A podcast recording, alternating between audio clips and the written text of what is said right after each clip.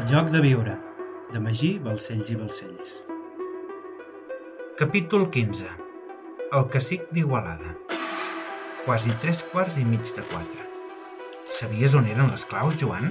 va preguntar el comte de Godó al seu cosí. Sí, va contestar Joan Godó. Clar que ho sabia. Ho sabies? Per què ho sabies? va tallar-lo Maria Cristina Cuell. He vingut moltes vegades a caçar amb en Paco, va dir Joan Godó. Visc a Igualada, i Igualada no és gaire lluny d'aquí. Jo i en Paco ja ens coneixíem, però des de que va morir la meva dona Adela, que tot sovint he vingut a caçar aquí. I per això saps on eren les claus? va preguntar Carlos de Sant Manat. Sí, en Paco les havia agafat de l'armari davant meu moltes vegades, cada cop que havíem d'anar a l'armeria del magatzem. Has estat tu qui ha agafat les claus, morrut? va preguntar-li Maties Muntades. Jo? Però heu perdut el nord? va dir Joan Godó, molest. Quin interès tindria en convertir aquesta festa en un segrest col·lectiu? Ets un home important del Partit Liberal, va dir Milans del Bosc. El cacic d'Igualada. La vostra família representa el poder dels liberals espanyols a Catalunya. Sou part imprescindible del règim sortit del pacte del Pardo entre liberals i conservadors, que ha portat aquest país a la ruïna. Sí, sóc liberal, va cridar Joan Godó. Si el liberal és tota la vostra prova contra mi. Podries estar intentant evitar el cop d'estat, va dir Milans del Bosc. Soc partidari del cop d'estat, va cridar Joan Godó. Ja t'ho he dit abans. Necessitem un cirurgià de ferro. Que sigui liberal no significa que estigui content amb el meu partit ni amb el sistema polític. És evident que l'Estat necessita ordre per part dels militars. Espanya necessita una reforma en profunditat o aquest país s'abocarà una guerra civil. Joan Godó i Llucià, conegut per tothom com el Morrut, per semblar sempre que estigués enfadat, era el cap de la família de la quarta generació de Godó nascuts a Igualada. Era un home que s'havia dedicat en cos i ànima a la fàbrica i a la política durant 38 anys, raó per la qual estava molt envellit, més del que pertocaria per la seva edat. Un envelliment que havia avançat a pas trepidant, sobretot arran de la mort de la seva dona dos anys enrere, un fet que l'havia deixat en xoc i que li havia passat factura físicament sense cap mena de dubte. De mitjana constitució i amb 72 anys, Tenia cabells i bigoti blancs i era un home intel·ligent que havia dedicat la seva vida a engrandir el poder econòmic i polític de la seva família mitjançant la combinació entre el seu negoci privat i la vida pública a través de l'afiliació incondicional al Partit Liberal. Sota la seva direcció, la igualadina cotonera, la fàbrica de la família, va viure els seus millors anys i el Morrut es va convertir en l'home més ric d'Igualada, un fet que li va permetre esdevenir alcalde de la ciutat fundador del Cercle Mercantil d'Igualada i caporal del sometent del districte, que incloïa 34 pobles, per mantenir la conflictivitat laboral de la comarca a ratlla, controlar els processos electorals d'acord amb els interessos del partit i consolidar el poder dels Godó per, segons la seva mentalitat, no malbaratar la prolífica història de la família. Joan Godó havia arribat a viure a un quart de dues, sol, amb un Austin 12, un cotxe britànic modern i elegant, famós per ser el model dels taxis de Londres. El Morrut era un home treballador, molt treballador, extremadament preocupat per deixar el seu fill més del que li havia deixat el seu pare, i aconseguir així a contribuir a forjar una poderosa família que el transcendís i, sobretot, que fes honor a la història d'èxit dels seus ancestres. Els Godó havien estat una família de paraires de la franja de Ponent, de Vall de Lleu, a la Llitera, que durant generacions s'havien dedicat al negoci de la llana en un entorn pastoral allunyat de les grans ciutats. Com a paraires que eren, tenien una gran tradició menestral en netejar, filar i teixir la llana, raó per la qual Ramon Godó i Mas, el rebesavi del Morrut, va abandonar Vall de Lleu a finals del segle XVIII per anar a provar sort a Igualada, ja que la puixant capital de la Noia era la ciutat amb més blanquers de Catalunya, amb una tradició artesana en l'adoberia de pells que enfonsava les seves arrels fins a l'era medieval i que comptava també amb un important gremi de paraires que s'havia desenvolupat en èxel dels blanquers i que es trobava en ple auge. A Igualada, Ramon Godoy Mas va aconseguir certa estabilitat econòmica com a teixidor i es va arrelar a la ciutat mitjançant el matrimoni amb una filla de la família Domingo. El fill del matrimoni, Antoni Godoy Domingo, el besavi del Morrut, nascut i crescut a Igualada en plena efervescència de la naixent revolució industrial, va fer un pas endavant al negoci i va aconseguir esdevenir fabricant d'indianes gràcies als coneixements tèxtils familiars, els cabals aconseguits pels seus ancestres i el seu matrimoni amb una filla de la família Llucià, de tal manera que el pes de la família Godó a la capital de la Noia va augmentar de forma molt considerable. Seguint amb la història de la família, el primogènit d'Antoni Godó i Domingo, Ramon Godó i Llucià, l'avi del Morrut, pertanyent a la segona generació de Godó nascuts a Igualada, va obtenir l'alcaldia de la ciutat, iniciant així una llarga tradició familiar que combinava l'activitat pública i privada com a mitjà per esdevenir la família més influent d'Igualada, tant en l'àmbit econòmic com polític, una influència mitjançant la qual es van posar al servei del Partit Liberal per convertir Igualada en un feu polític en pro del partit. Així, mentre des del sector públic aconseguia l'alcaldia d'Igualada i exercia com a cacic local del Partit Liberal a tot el districte, a l'àmbit privat va reconvertir la fàbrica d'Indianes, conjuntament amb 12 socis més, per fundar la Igualadina Cotonera el 1842, una fàbrica immensa que ocupava una extensió de 15.000 metres quadrats i que va ser la primera indústria de teixits d'Igualada que va fer servir la màquina de vapor i que va esdevenir un dels principals centres manufacturers de fil i teixits de cotó a Catalunya. Ramon Godó i Llucià i els seus fills van saber aprofitar els enormes guanys obtinguts per la família i van esdevenir propietaris únics de la igualadina cotonera, alhora que reinvertien en noves fàbriques al nord d'Espanya i a Barcelona. Amb la mort de Godó i Llucià, Ramon Godó i Pier, el pare del Morrut, va heretar la igualadina cotonera, i Carles Godó i Pier i Bartomeu Godó i Pier, ties del Morrut, es van quedar amb les fàbriques d'Astúries, el País Basc i el Poblenou.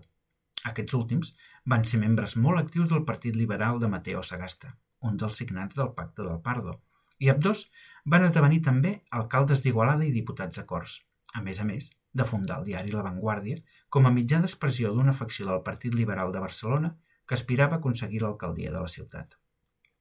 El Morrut, Joan Godó i Llucià, era fill de Ramon Godó i Pier i nebot dels fundadors de La Vanguardia, i tenia exactament els mateixos cognoms que el seu avi patern, Godó i Llucià. Sota la seva gestió, la fàbrica va abandonar la filatura i es va dedicar al tissatge i acabats, aconseguint la millor època tant en producció com en beneficis de la igualadina cotonera, sobretot gràcies a la reconversió del vapor a l'electricitat, esdevenint la primera instal·lació d'enllumenat elèctric d'Igualada. Els Godó, mitjançant la política caciquista del clan familiar des del seu feu d'Igualada i del diari La Vanguardia, van esdevenir el principal actiu del Partit Liberal a Catalunya i, per tant, una peça important del règim polític de la restauració borbònica, un sistema on la lletra de les lleis no es corresponia amb les pràctiques polítiques, sobretot en el camp electoral. El poder del senyor Godó Llucià a Igualada s'esveiria si triomfés el cop d'estat de Primo de Rivera? va preguntar Maria Cristina Güell. No en tinc de poder, va dir Joan Godó. No sóc l'alcalde ara mateix. Joan, que sabem com funciona això, va dir el comte de Güell. Que no siguis l'alcalde no significa que no tinguis poder. A la pràctica tens els mitjans per influir sobre l'alcaldia i tots els poders públics d'Igualada. A més a més, segur que l'actual alcalde l'has escollit tu i és un home de la teva confiança. Des de que vau fundar el vostre partit que cada cop tinc menys control sobre el districte d'Igualada, va dir Joan Godó en referència a la Lliga Regionalista. Au, va, no ploris tant, va dir Lluís Ferrer Vidal. Els Godó heu ocupat l'escó del Congrés pel districte d'Igualada des del 1881, va dir Matías Muntades. No és cert, va respondre el morrut. El districte era nostre fins que va aparèixer la Lliga. Aquest maleït partit nacionalista ha aparegut per dificultar-nos el control sobre Igualada. A bona hora vau crear el partit, va dir el comte de Godó. Dividir el vot de la burgesia no ha servit per res, i promoure el catalanisme no hi ha res més inútil i provincià que mirar-se el malic. Després dels anarquistes, el pitjor enemic d'Espanya és el nacionalisme de la Lliga. Us recordo que la Lliga va aconseguir la mancomunitat i que res ha modernitzat més el país que la Mancomunitat de Catalunya, va dir Cambó. No res la Mancomunitat, duplicar serveis administratius i perdre el control de les alcaldies més importants com Igualada, va dir Joan Godó. No et queixis tant que continua sent el cacic d'Igualada, això ho sap tothom, va dir Matías Muntades, com a fill d'Igualada que era. El sistema polític de la restauració es caracteritzava per simular formalment una democràcia parlamentària amb eleccions lliures i separació de poders però a la pràctica atribuïa el poder real des de l'ombra a les persones que posseïen major influència econòmica i social en cada ciutat o regió. Aquestes persones, els cacics, solien ser persones amb un pes econòmic rellevant i eren una peça més en l'estructura de l'administració política. Eren els caps locals dels partits dinàstics i actuaven com una peça més de l'engranatge del sistema, una llarguíssima cadena de clienteles que componien el sistema polític a la capacitat d'intimidació per dirigir el vot dels seus veïns a les candidatures correctes, o promoure l'abstencionisme dels sectors que no interessava que votessin, s'hi sumava, a més a més, el control de l'administració, directament o mitjançant el suborn, la qual cosa els permetia conèixer els vots de totes les persones amb capacitat de vot i actuar a l'efecte per corregir-ho, manipular el cens electoral per privar certa gent del seu vot o permetre que algunes persones poguessin votar en nom dels seus difunts, per a complir així amb l'ordre del partit. Formalment, les eleccions eren lliures, però a la pràctica els dos partits dinàstics pactaven, segons li toqués governar l'un o l'altre, el nombre de diputats que aconseguiria cadascun les eleccions, òbviament, abans que aquestes es produïssin, i la maquinària de l'Estat es posava en marxa per aconseguir que el resultat electoral coincidís amb el que s'havia pactat. Una farsa. Tot començava al Ministeri de la Governació, on s'omplien les caselles corresponents als districtes amb els noms dels candidats que havien de guanyar. Un cop pactat l'encasillado entre els dos grans partits a Madrid, les negociacions continuaven a cada entitat territorial a través del representant del poder central a cada província, el governador civil, amb els cacics de cada localitat o regió per aconseguir ajustar els resultats electorals als desitjos del Ministeri. D'aquesta manera, els partits aconseguien el seu objectiu i els cacics podien continuar sent cacics amb els beneficis associats que aquest fet comportava. Els cacics formen part de l'engranatge eh, de, dels partits, el que ha portat el país a la ruïna, va dir Paco, recolzant-se el cap amb les mans i trepitjant-se les paraules. I, I Primo de Rivera ha d'acabar amb tot això s'ha de re regenerar la política. El primer que farà Primo de Rivera és posar ordre, acabar amb la política i entregar el govern als militars, va dir Milans del Bosch. El primer és acabar amb el sindicalisme i el terrorisme obrer. I en aquest sentit Primo de Rivera farà ús de totes les persones que tinguin poder, sigui en l'àmbit que sigui, i que estiguin disposades a col·laborar per implantar ordre i disciplina.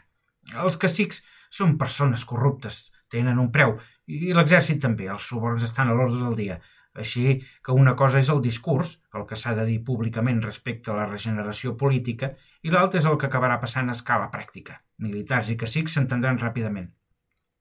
Doncs llavors estem d'acord, va dir Joan Godó. Si és així, jo seré el seu valedor Igualada, si aconsegueix que s'acabin les maleïdes vagues i atemptats i la igualadina cotonera funcioni com una seda.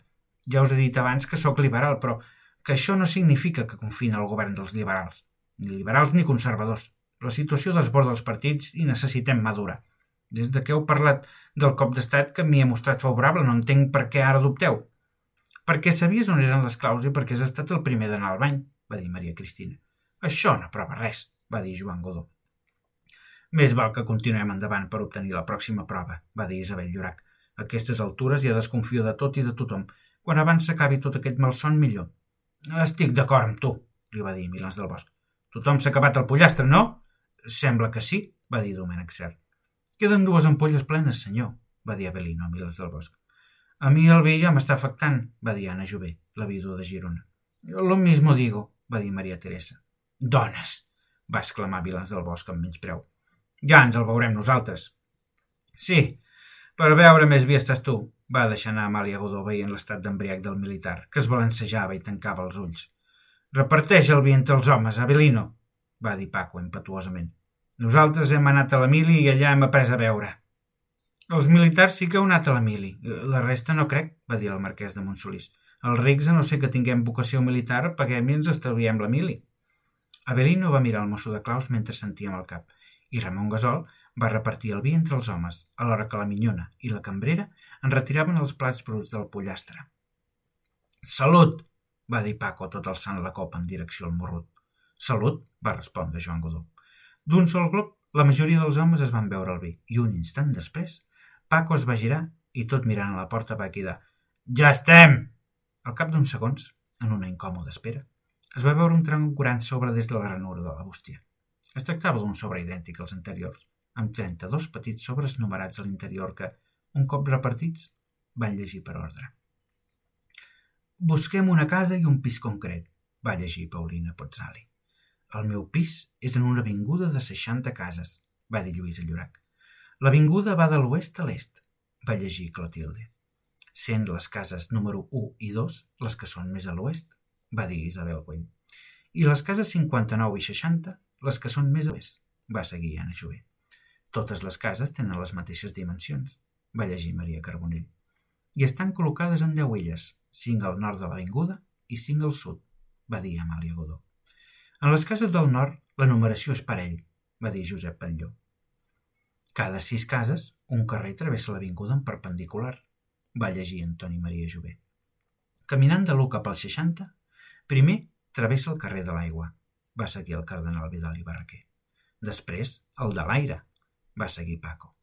Després, el de la terra. Va llegir Ramon Godó. I finalment el del foc, va dir Maria Teresa Núñez.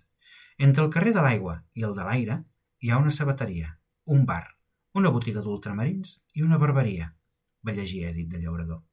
Entre el carrer de l'aire i el de la terra hi ha un forn, una botiga de roba, una bodega i un banc, va llegir Consuelo Jové. Entre el carrer de la terra i el foc hi ha un estanc i una escola. La botiga d'ultramarins fa cantonada amb el carrer de l'aigua, va dir Francesc Cambó. La botiga de roba i el bar estan el mateix cantó de carrer, va llegir Eusebi Güell. La barberia té número parell, va dir Milans del Bosc. El forn de pa i la, la bodega estan separats per, per una casa, va llegir Bertran i Mocitó amb dificultat i aguantant-se el cap. Entre la barberia i la botiga d'ultramarins hi ha el bar, va seguir Domènec Cert. Just davant del bar hi ha la sabateria, va dir Joan Godó. El banc fa cantonada amb el carrer de la Terra. La bodega i el banc estan separats per dues cases, va dir el comte de Güell. La botiga de roba està davant per davant de la bodega, va seguir Maria Cristina Güell. Jo visc davant del forn, va llegir Virginia Xorruca. Ara anem a buscar el pis dins la finca, va seguir el marquès de Montsolís. L'edifici on visc té cinc nivells i cada nivell dos pisos, va seguir Isabel Llorac. Al tercer primera hi viu un matrimoni de nou casats que es passen el dia fornicant, va seguir Lluís Ferrer Vidal. Els nou casats es queixen que escolten la pianista del pis de sota i la cantant d'òpera del pis de sobre, va seguir Antoni Bertran. La cantant d'òpera es queixa que sent fornicar al pis de sota i gossos al pis del costat, va llegir Matías Muntades. Els del pis amb els gossos es queixen que hi ha un nadó al pis de sota que plora tot el dia, va seguir Arnaldo de Mercader. El, el pis amb, amb el nadó es queixa que, que sent el matrimoni for, fornicant, va seguir Carlos de Sant Manat, molt alcoholitzat. En el pis que busquem sentirem un piano al pis del costat i un nadó a sobre. Sabeu quin pis és? va dir Carme Estruc. Ja està tothom? va preguntar Paco. Sí, va dir Carlos de Sant Manat. Jo era l'últim. Mare de Déu, va exclamar Lluís Ferrer Vidal. Això cada cop és més enrebaçat. Amb el vi que portem a sobre no sé si serem capaços d'endevinar-la aquesta va dir Antoni Maria Jové. Sí que el resoldrem. I tant que sí, va dir Maria Cristina Güell. El joc de viure, de Magí, Balcells i Balcells.